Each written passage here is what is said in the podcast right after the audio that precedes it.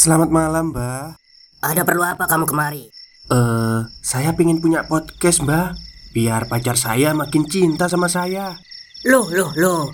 Mau bikin podcast kok tanya dukun? Sekarang kamu download aplikasi Anchor.fm. Di situ kamu bisa buat podcast gratis dan podcast kamu bisa didistribusikan ke platform mana pun. Dan di aplikasi atau website Anchor.fm juga terdapat fitur-fitur yang memudahkan kamu untuk membuat podcast. Oh, gitu ya, Mbak. Kalau gitu, saya boleh minta password wifi-nya, Mbak. Buat apa? Buat download Anchor.fm, Mbak.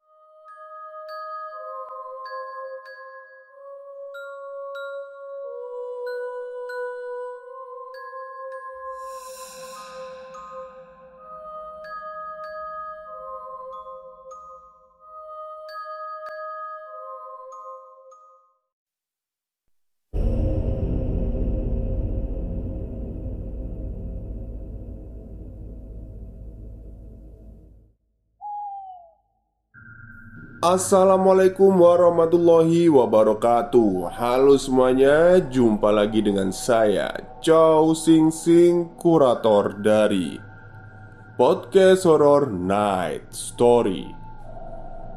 Halo, apa kabar semuanya? Semoga kalian semua sehat-sehat ya dan seperti biasanya, pada malam hari ini saya kembali dan akan menceritakan sebuah kisah mistis untuk kalian semua.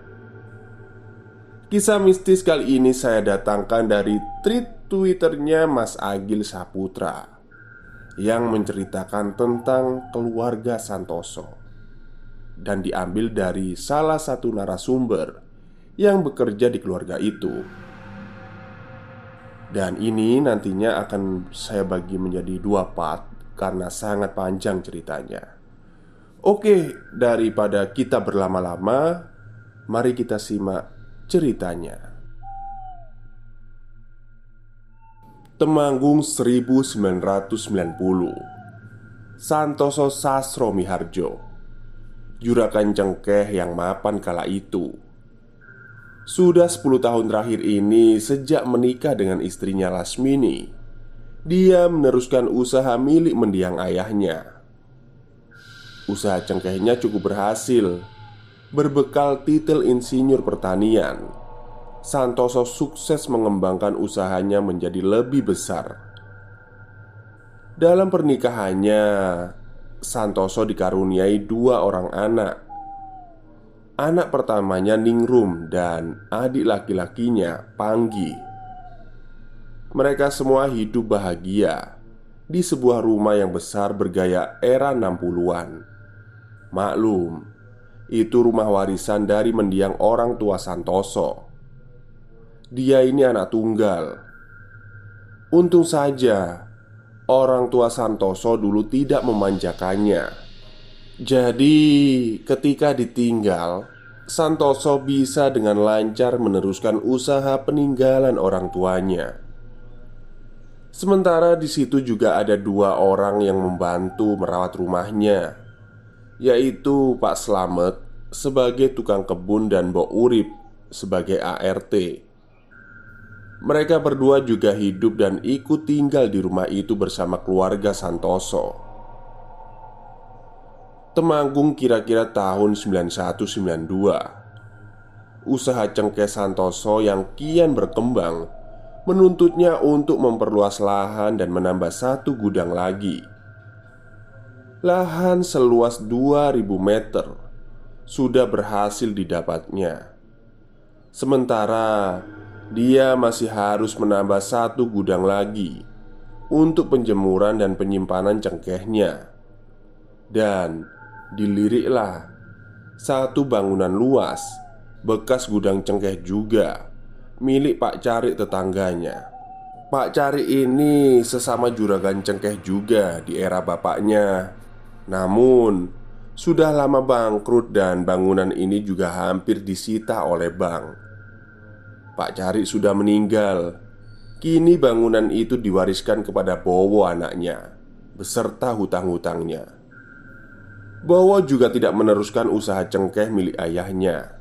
Kini, bekas gudang itu terlihat terbengkelai dan sudah menjadi jaminan hutang untuk biaya berobat Pak Cari dulu ketika sakit. Menurut kesaksian Pak Slamet yang juga mengenalnya, Bowo ini selalu mengajukan perpanjangan kepada pihak bank agar nantinya gudang itu tidak disita. Dia hanya menunggu satu sawah peninggalan orang tuanya terjual untuk melunasi hutang itu. Kenapa Bowo tidak merelakan gudang itu saja? Karena di sini Santoso juga ingin membelinya dengan harga yang wajar. Tapi ternyata setelah ditemui Santoso, Bowo memperlihatkan surat wasiat dari mendiang ayahnya, yang mana salah satu isinya adalah tidak memperbolehkan gudang itu dijual. Tapi dahulu Bowo sebagai anak tertua malah diam-diam menjaminkan surat gudang itu ke bank. Di samping untuk kebutuhan sendiri, uangnya juga digunakan untuk biaya berobat ayahnya. Itu kata Bowo. Pak Slamet yang juga ikut mengantarkan Santoso dalam pertemuan itu sebenarnya agak ragu dengan pernyataan Bowo tentang bagaimana uang hutang itu digunakan. Pasalnya, di desa Bowo terkenal sebagai pria yang gemar berjudi. Singkat cerita, Santoso pun pulang dengan keputusan tak bisa memiliki dan membeli gudang luas itu. Tapi dalam hatinya dia sangat menginginkan karena tempatnya yang bagus dan strategis. Di sini dia mulai memutar otak untuk bisa tetap memiliki gudang itu. Akhirnya dihubungi petugas bank tempat Bowo berhutang. Kebetulan orang itu adalah temannya. Setelah Santoso menanyakan perihal tanah gudang itu, ia mendapatkan informasi kalau tagihannya sudah macet hampir satu tahun dan akan disita oleh bank. Tapi di situ Bowo selalu mengajukan perpanjangan dengan alasan akan menjual sawahnya untuk melunasi. Tapi nampaknya perpanjangan itu batas tenggangnya juga hampir habis. Berbekal informasi itulah Santoso bersabar dan memantau perkembangannya. Sembari mungkin dalam hatinya dia berdoa buruk agar gudang itu disita dan dilelang oleh bank. Singkat cerita, kira-kira satu tahun kemudian, gudang itu akhirnya disita juga oleh bank dan akan dilelang kemudian hari. Kabar ini tentunya cukup membuat Santoso senang. Dia benar-benar ingin memiliki gudang seluas 1700 meter itu. Berbekal kenalan petugas bank, di sini Santoso agak bertindak licik. Entah bagaimana dia bermain dengan petugas lelang untuk memenangkan proses pelelangan lahan gudang itu. Singkat cerita, hari pelelangan itu pun tiba. Dan sesuai prediksi, Santoso berhasil memenangkan lelang itu. Santoso menjadi pemilik sah dari tanah gudang itu.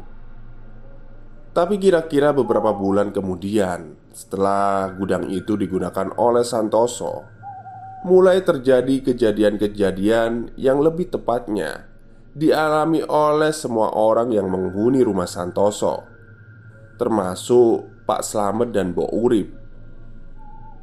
Pertama dialami oleh Pak Slamet dan Bo Urip. Malam itu kira-kira pukul satu malam.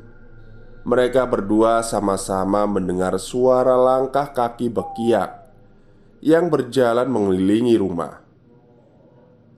Tentu Pak Slamet dan Bok Urip lah yang mendengar dengan jelas Karena tempat mereka tidur berdempetan dengan benteng rumah Tepatnya di bagian paling belakang. Agak mustahil bila suara ini terdengar dari rumah utama Karena jarak beteng dan rumah agak jauh.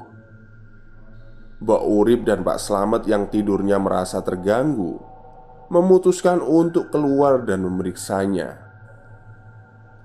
Suara Bakiak itu masih ada Yang kini berjalan menuju tempat mereka berdiri Dan akhirnya Sosok yang berjalan itu mulai terlihat Wujudnya seperti orang biasa Namun rambutnya panjang seperti seorang wanita.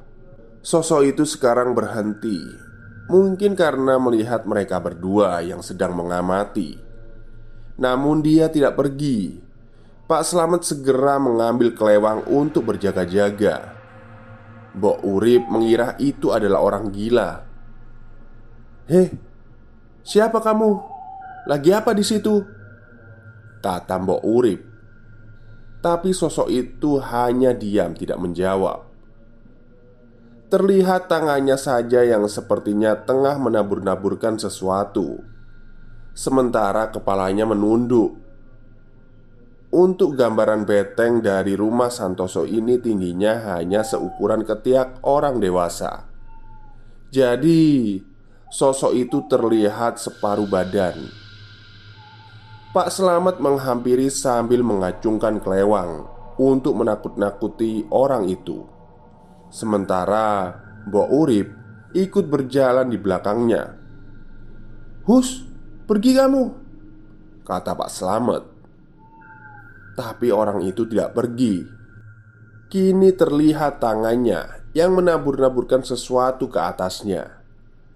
Pak Slamet dan Mbok Urip mendekat dan menanyai kembali kamu orang gila ya? Pergi-pergi Kata Pak Selamat Mendengar itu, orang itu pun menoleh Dan di sini Pak Selamat dan Bok Urip terkejut Karena Sosok itu tidak memiliki wajah Sambil terus menabur-naburkan sesuatu di atasnya Pak Selamat dan Bok Urip pun langsung lari tunggang langgang menuju huniannya setelah melihat itu. Pak Slamet dan Mbok Urip meringkuk ketakutan di balik pintu pavilion huniannya di belakang rumah. Di sini mereka sama-sama tidak yakin. Mbok Urip yang punya pengalaman melihat hantu berujar, "Untuk ukuran demit itu terlalu nyata." Sementara menurut pengakuan Pak Slamet, Sosok itu rambutnya terkibas-kibas tertiup angin. Entahlah apa itu. Keesokan harinya Mbok Urip yang menyapu di luar beteng Melihat ceceran tanah basah Dia menyapu dan ternyata Ceceran tanah itu hampir mengelilingi rumah Santoso. Lantas Mbok Urip segera membicarakannya dengan Pak Slamet. Jangan-jangan itu tanah kuburan, Met. Ujar Mbok Surip. Pak Slamet yang mulai mempunyai firasat buruk Ingin menceritakannya kepada juraganya Tapi rasanya percuma Karena Santoso ini orang yang berpendidikan. Tak mungkin peduli dengan hal-hal seperti itu. Meskipun Pak Slamet ini orang kepercayaannya dan umurnya hampir sebaya Dia tetap memutuskan untuk tidak menceritakan semua ini kepada Santoso juraganya Tepat malam harinya Terjadi hal aneh kepada salah satu pegawai di gudang cengkeh baru milik Santoso Sebut saja namanya Agus Tiba-tiba saja malamnya Agus sowan ke rumah juraganya Santoso dia mengundurkan diri dan meminta sisa gajinya. Santoso mencoba bertanya apakah dia ada masalah dengan teman-teman kerjanya, tapi nampaknya Agus tak mau mengangkat siapa-siapa. Dia hanya ingin mengundurkan diri dan meminta sisa gajinya. Tapi di sini ada yang aneh. Menurut Pak Slamet, Agus terlihat pucat dan tidak mau memandang wajah Santoso. Matanya selalu melihat ke bawah. Akhirnya, Santoso pun memberikan sisa gajinya dan mempersilahkan Agus untuk mengundurkan diri dari pekerjaan. Padahal di sini posisi Agus sudah cukup enak. Dia sudah jadi mandor. Santoso yang ingin tahu apa yang terjadi menyuruh Pak Slamet untuk menyelidiki hal ini. Singkat cerita, selang beberapa hari Pak Slamet menanyai semua pegawai di gudang itu. Dan hasilnya tidak pernah ada masalah dengan Agus. Bahkan Mbak Lela, bagian keuangan juga sempat dipanggil oleh Santoso. Dan tidak ada juga masalah keuangan. Santoso pun pasrah dan melupakan itu semua. Hari pun berlalu, tapi di sini Pak Selamat masih penasaran dan mempunyai firasat lain tentang keluarnya Agus. Akhirnya, dengan dalih silaturahmi, Pak Selamat pun mendatangi kediaman Agus. Setelah berbasa-basi di tempat Agus, Pak Selamat langsung bertanya dengan pelan kepada Agus. Sebenarnya itu ada apa toh Mas Agus? Cerita dong sama saya Kok kayaknya ada yang tidak beres?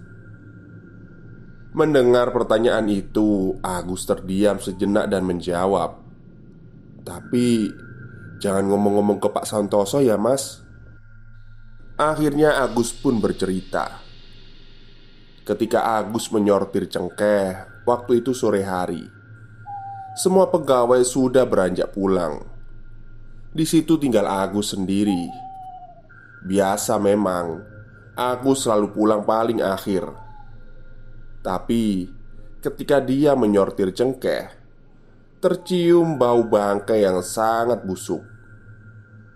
Agus tentunya khawatir kalau ada tikus mati di antara gunungan cengkeh. Agus pun mulai mencari sumber bau itu. Lama sekali dia mencari karena gudang itu memang cukup luas. Akhirnya dia menemukan sumber bau itu, tepatnya di antara tumpukan karung cengkeh. Wah, aku harus lapor juragan ini. Ujar Agus takutnya ada bangkai di antara tumpukan itu. Tapi ketika dia membalikan badannya, tiba-tiba dia dikagetkan oleh suara. Stop, stop. Kita break sebentar. Jadi gimana? Kalian pengen punya podcast seperti saya?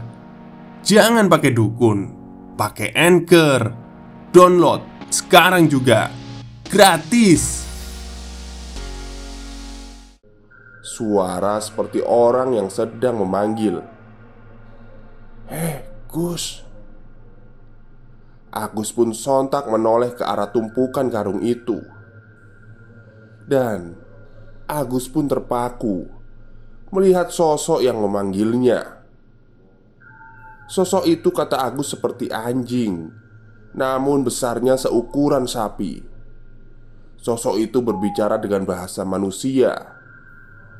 Di tengah Agus yang masih mematung, sosok itu berkata, "Pergi dari sini daripada saya makan kamu."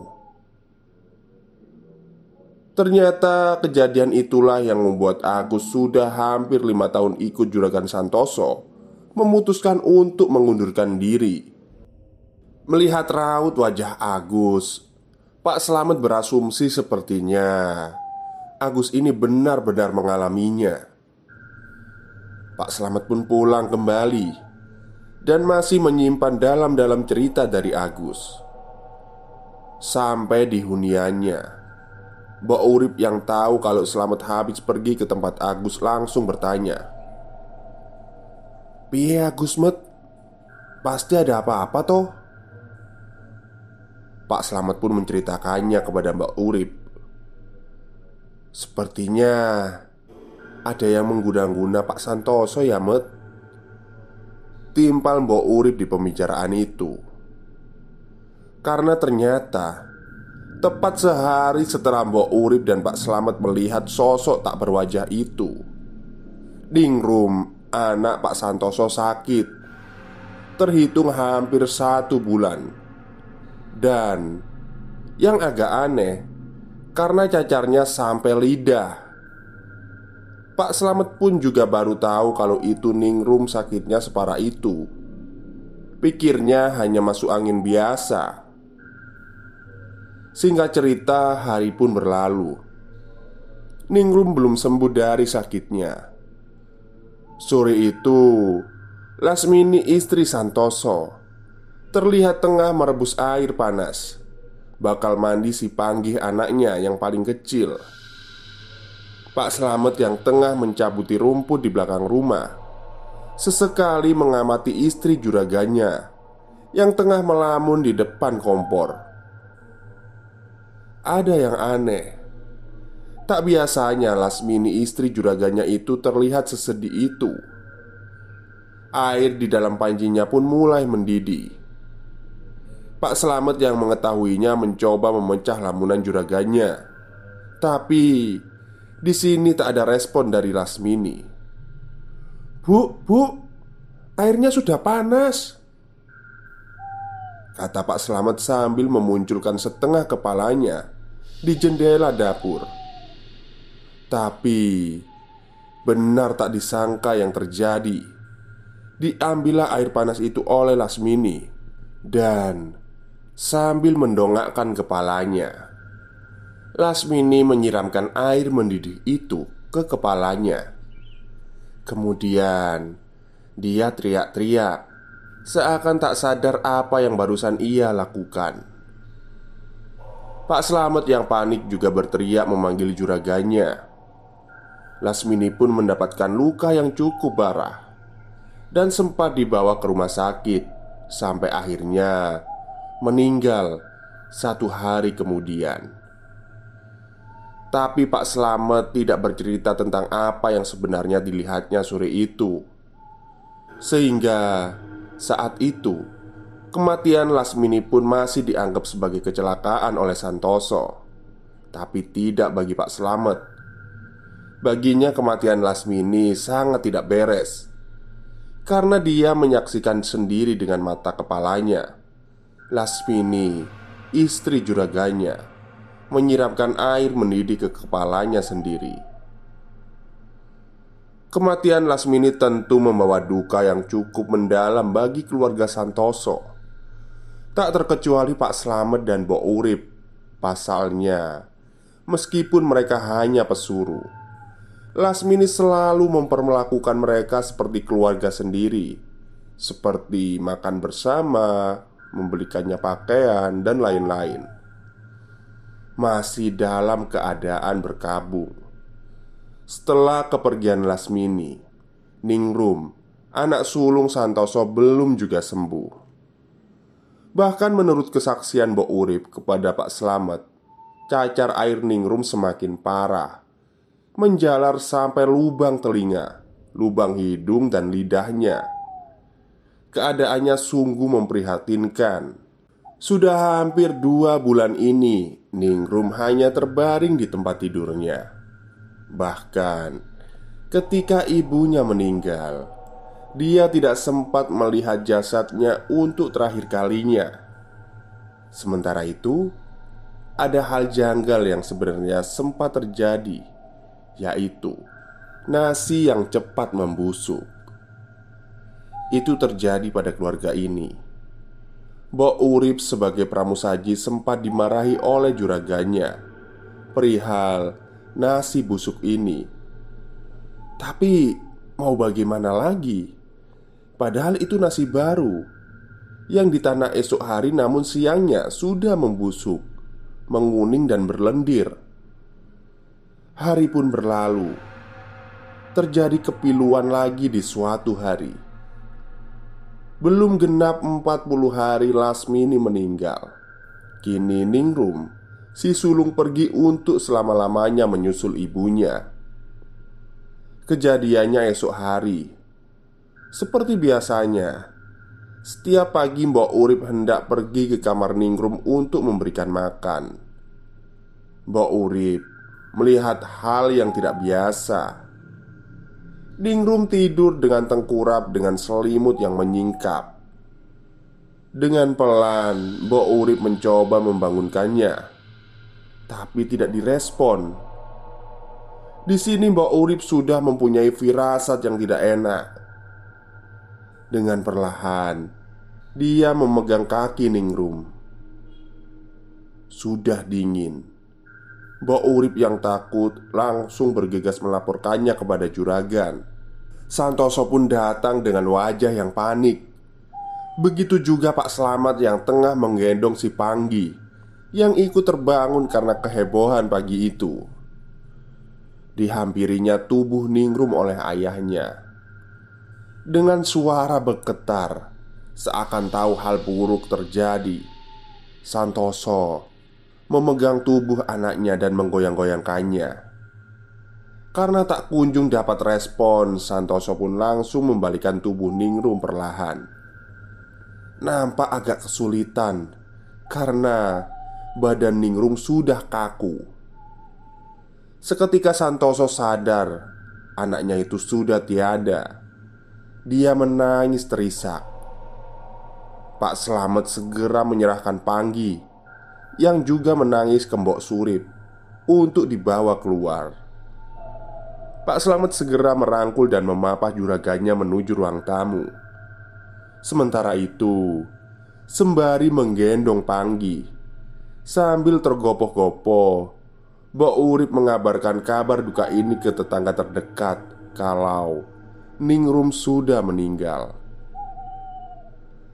Sejak kepergian Ningrum ini Mbok Urip dan Pak Slamet diminta untuk tinggal di rumah utama Untuk menjaga Panggi Sementara itu perihal nasib buruk Itu terus saja terjadi Tapi nampaknya Santoso belum menyadari atau peduli tentang kejanggalan-kejanggalan yang terjadi belakangan ini. Sampai pada suatu hari, ketika Santoso, Panggi, Pak Slamet, dan Bo Urip menonton televisi, terdengar suara ledakan di teras depan rumahnya. Santoso yang pertama kali keluar untuk memeriksanya. Seketika dia terkejut dan memanggil Pak Slamet. Terlihatlah di situ lantai teras yang sudah pecah dan menonjol keluar. Pak Slamet dan juragannya pun memegang lantai itu. Terlihat sedikit berasap dan agak hangat. Santoso mencoba melogikakan kejadian ini. Dia memperkirakan ini adalah akibat dari pemuaian dari gas yang dihasilkan oleh Safi Tank. Tapi Santoso juga agak heran Pasalnya Sapi tank rumah ini berada jauh 30 meter di belakang rumah Santoso pun menyuruh Pak Slamet Untuk membongkar pecahan lantai itu Dan saat itu juga Yang ditemukan Pak Slamet sungguh mengherankan Di balik lantai Pak Slamet menemukan selembar kain kafan yang bertuliskan aksara Jawa.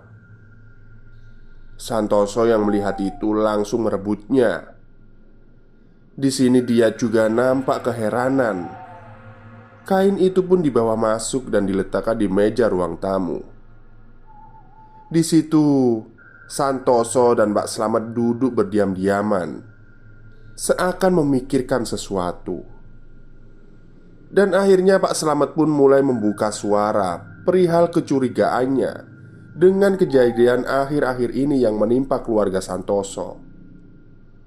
Santoso sempat membantah dan tidak percaya. Tapi di sini, Mbok Urip yang mendengar pembicaraan itu dari ruang TV langsung datang dan ikut berbicara. Dari kejadian wanita tanpa wajah, anjing besar yang dilihat Agus, hingga kronologi sebenarnya kematian istrinya.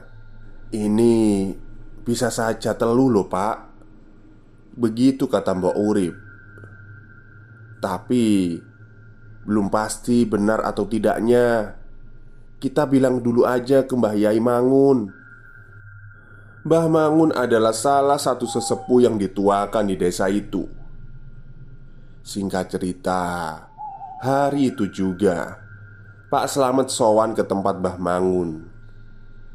Sampai akhirnya beliau pun datang ke rumah Memeriksa kain kafan yang ditemukan di balik lantai yang meledak tadi Mbah Mangun pun mulai berkeliling di sudut-sudut rumah Sembari berpikir Dan sesekali menepuk-nepuk dinding rumah Santoso.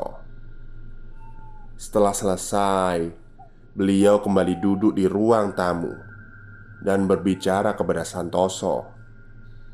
Sambil membakar kain kafan itu di sebuah asbak Mbah Mangun berkata Ini teluh Jawa Malapetakannya ada tiga Pikiran, harta, dan penyakit. Saya jelaskan sedikit ya. Kira-kira begini. Teluh Jawa menurut Mbah Mangun ini Malapetaka yang didatangkan Dengan tiga cobaan. Yang pertama Mempengaruhi pikiran. Ini mungkin berhubungan dengan kejadian kematian Lasmini seperti yang di diceritakan tadi. Lasmini tanpa sadar menyiramkan air panas di tubuhnya. Yang kedua, penyakit. Ini mungkin dialami oleh Ningrum Dan yang ketiga adalah harta. Di sini harta boleh diartikan sebagai usaha. Mungkin ini nyambung dengan kejadian Agus Salah satu pegawai di gudang cengkeh yang mengaku didatangi oleh anjing besar yang bisa berbicara. Dan sejak kejadian Agus itu, ternyata banyak juga pegawai di gudang itu yang mengaku diteror oleh makhluk yang mirip anjing itu. Dan satu persatu pegawai di gudang itu mulai mengundurkan diri karena takut. Dengan ini tentu saja mempengaruhi usaha cengkeh milik Santoso.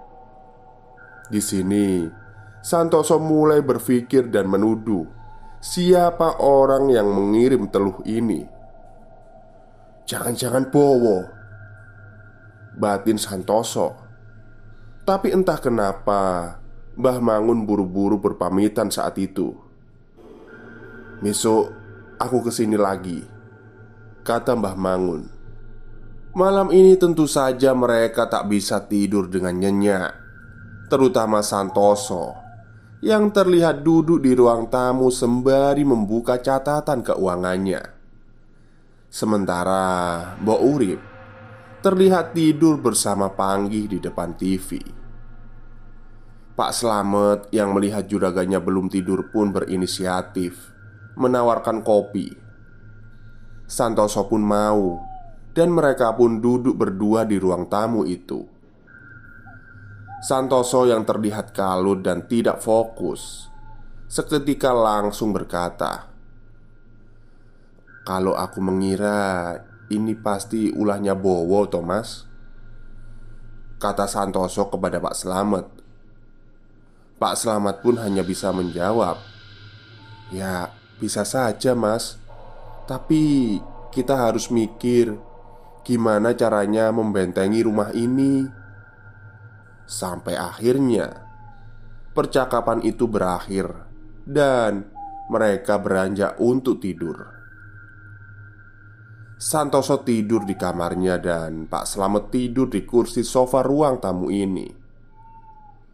Beberapa jam kemudian, kira-kira jam 2 malam, Pak Slamet yang sebenarnya masih tidur-tidur ayam Pandangannya dialihkan oleh sosok yang tiba-tiba terlihat duduk di depannya.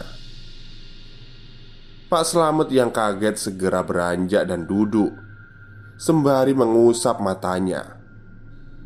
Pak Slamet terus memandangi sosok yang berada kira-kira 2 meter dari tempatnya. Karena suasananya agak gelap, sosok itu tak terlihat dengan jelas.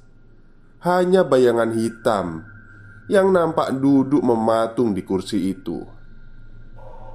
Dengan berkata dan berbisik, Pak Selamat berkata, "Bok, Bok lagi apa?" Pak Selamat mengira sosok yang duduk itu adalah Mbok Urip. Tapi setelah Pak Selamat bertanya pada sosok itu, dengan perlahan sosok itu mendongakkan kepalanya dan terlihat kini wajahnya yang terang. Entah apa yang menerangi wajah itu. Di sini, Pak Slamet yang terpaku masih mencoba untuk berani. Dengan terbata-bata, Pak Slamet berdoa sebisanya sambil terus memandangi sosok itu dengan secuil keberaniannya. Semakin terlihat jelas, sosok itu rambutnya panjang terurai tanpa wajah, tapi memiliki mulut. Sosok itu sedikit maju mengarahkan telinganya, seakan menyimak Pak Slamet yang tengah berdoa dengan terbata-bata, dan dengan nada mengejek namun berbisik. Sosok itu berkata kepada Pak Slamet Kok bacanya belibet, Met? Apa perlu aku bantuin berdoa? Seketika Pak Slamet tubuhnya gemetar mendengar kata-kata itu Dia ingin lari Tapi tubuhnya sulit untuk digerakkan Sementara sekarang Pak Slamet mendunduk tak mau melihat sosok itu lagi. Dan beberapa saat kemudian, "Salam ya buat majikanmu." Sosok itu berkata lagi dan kemudian menghilang.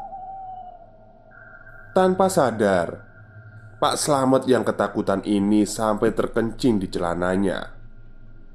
Keesokan harinya, Pak Slamet pun sakit Mungkin karena shock dengan kejadian semalam Mbak Urip sepertinya menyadari dengan sakitnya Pak Slamet yang tiba-tiba itu Hingga akhirnya Pak Slamet pun bercerita kepada Mbok Urip Tentang apa yang dialaminya semalam.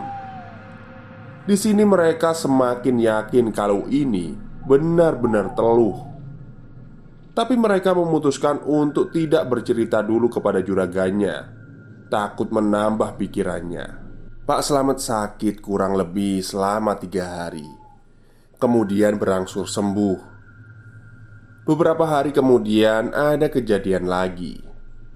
Entah ini berhubungan juga dengan teluh itu Atau tidak Tapi yang jelas Ini adalah musibah yang cukup membuat Santoso terpuruk. Gudang yang ia beli dari pelelangan itu Kini terbakar habis dalam semalam. Entah apa penyebabnya Yang jelas malam itu rumah Santoso diketuk oleh beberapa warga Yang mengabarkan kalau gudangnya kebakaran. Setelah kejadian itu dengan terpaksa Santoso menutup salah satu gudangnya Dan meliburkan beberapa karyawannya. Nampaknya kenaasan ini masih saja menimpa keluarga Santoso Karena sekitar seminggu kemudian setelah kebakaran Panggih anak satu-satunya. Kini masuk rumah sakit. Hidung serta mulutnya berdarah dan sulit berhenti. Setelah diperiksa dan pendarahannya berhasil dihentikan Dokter tetap tidak berhasil menemukan apa penyebabnya. Karena Santoso khawatir, Panggi pun tetap dirawat inap di rumah sakit selama dua hari dengan ditunggui oleh Mbak Urip. Dan di sini, Mbak Urip mengalami kejadian seram lagi. Kejadiannya di malam kedua ketika Mbok Urip menunggui Panggi di rumah sakit Malam itu entah jam berapa Mbok Urip yang duduk ketiduran di ranjang panggi Dengan kepala yang merebah ke tangannya yang menyilang Dalam tidurnya yang sebenarnya kurang nyaman itu Tiba-tiba Mbok Urip merasa ada yang membelai-belai kepalanya Karena dikira Panggi Mbok Urip seketika membangunkan dirinya Dan dengan setengah kantuk dia berkata Ada apa mas Panggi? Tanya Mbok Urip kepada Panggi Tapi di sini Mbok Urip heran Karena Panggi terlihat tertidur nyenyak dengan posisi miring membelakanginya. Dan setelah itu, terdengar suara dengan nada membisik tepat di telinga Mbok Urip. Tidak ada apa-apa, Mbok. Dia yang kaget langsung menoleh, tapi tidak ada siapa-siapa. Ruangan itu nampak sepi karena kebetulan Panggi dirawat di ruang VIP. Ruangannya juga terang. Mbok Urip menoleh ke seluruh ruangan. Namun, matanya terhenti di sebuah lemari kecil yang sepertinya pintunya perlahan membuka sendiri. Mbok Urip yang penasaran terus mengamati. Sementara tiba-tiba muncul suara. Aku di sini. Suara itu muncul dari lemari kecil yang pintunya semakin lebar terbuka. Dan dengan berani, Mbok Uri menjawab perkataan itu. "Siapa kamu? Pergi dari sini." Jawab Mbok Urip. Lemari itu semakin terbuka lebar dan menurut Mbok Urip di situ muncul kepala tanpa wajah, namun memiliki mulut, persis seperti yang dikatakan selamat tempo hari. Perlahan, kepala itu muncul dan menunjukkan seluruh tubuhnya. Besar sekali, kata Mbok Urip. Tingginya hampir menyentuh langit-langit. Sosok makhluk ini jemarinya panjang. Begitu juga dengan kukunya yang mengeliat seperti menari. Dan beberapa saat kemudian, dengan lantang, sosok itu berkata, "Aku sambar nyowo, aku mau menjenguk." Melihat Panggi yang terbaring, Mbok Urip mencoba untuk tidak gentar dan berkata, "Aku nggak peduli, pergi kamu dari sini." Jawab Mbok Urip sambil memegang pispot logam di tangannya. Tapi sosok itu malah tertawa. Bok Urip yang sudah kacau pikirannya melemparkan pispot itu ke arah sosok itu sambil berkata, "Allahu Akbar." Dan sosok itu pun menghilang. Mbok Urip pun menangis meringkuk di lantai. Di sini sebenarnya Mbok Urip merasa sangat ketakutan. Ternyata gangguan itu belum selesai. Beberapa saat kemudian, Mbok Urip dibuat semakin menangis ketika terdengar suara wanita bernyanyi lagu Jawa. Suaranya merdu dan mendengung di ruangan itu. Mbok Urip menutup kedua telinganya Hingga suara itu pun berhenti seiring adzan subuh mulai terdengar. Nampak lalu lalang aktivitas di rumah sakit sudah terdengar. Segera Mbok Urip membuka pintu dan duduk di kursi depan ruang perawatan. Dia nampak pucat dan lesu. Sungguh ini malam yang berat. Untung paginya Panggi sudah bisa diperbolehkan pulang Sesampainya di rumah Ada yang berubah dalam diri Panggi Dia sekarang pendiam Tak seusil kemarin Untuk anak seukuran dia Dia nampak seperti orang dewasa Kira-kira 4-5 hari yang lalu. Panggih kini mulai rajin mengaji dan sholat. Dia bahkan ngeyel Mengajak ayahnya untuk sholat tepat waktu. Ya, perubahannya bisa dibilang cukup baik. Tapi Ternyata Perubahan pagi ini merupakan buang tabiat kata orang Jawa Seseorang akan berubah sikap dan sifatnya saat menjelang ajalnya Karena tiba di suatu hari. Waktu itu sore, setelah Panggi mengaji, listrik kebetulan padam. Sementara Panggi masih ada tugas sekolah yang harus dikumpulkan esok harinya. Akhirnya Panggi pun mengerjakan PR-nya dengan menggunakan teplok atau lentera. Diletakkan dua lentera di samping meja belajarnya. Panggi pun belajar dengan ditemani ayahnya. Sementara Pak Slamet sedang sibuk menyalakan lampu petromak di halaman. Beberapa saat kemudian, Santoso meninggalkan Panggi untuk merokok di halaman belakang. Sambil melihat Pak Slamet yang terus mengotak-ngatik lampu petromak yang tak kunjung berhasil dinyalakan. Dan tiba-tiba terdengar suara ledakan diiringi oleh teriakan. Santoso dan Pak Slamet langsung mendatangi kamar Panggi. Dan apa yang terjadi? Di situ kepala Panggi sudah berkobar dengan api. Panggi terus berlari tak berarah di kamarnya sambil teriak kesakitan. Di sini Santoso langsung mengambil selimut dan menelungkupkan ke kepala Panggi. Tapi setelah dibuka nampaknya api belum juga padam dan dari belakang, Mbok Urip memeluk Panggi dengan handuk basah.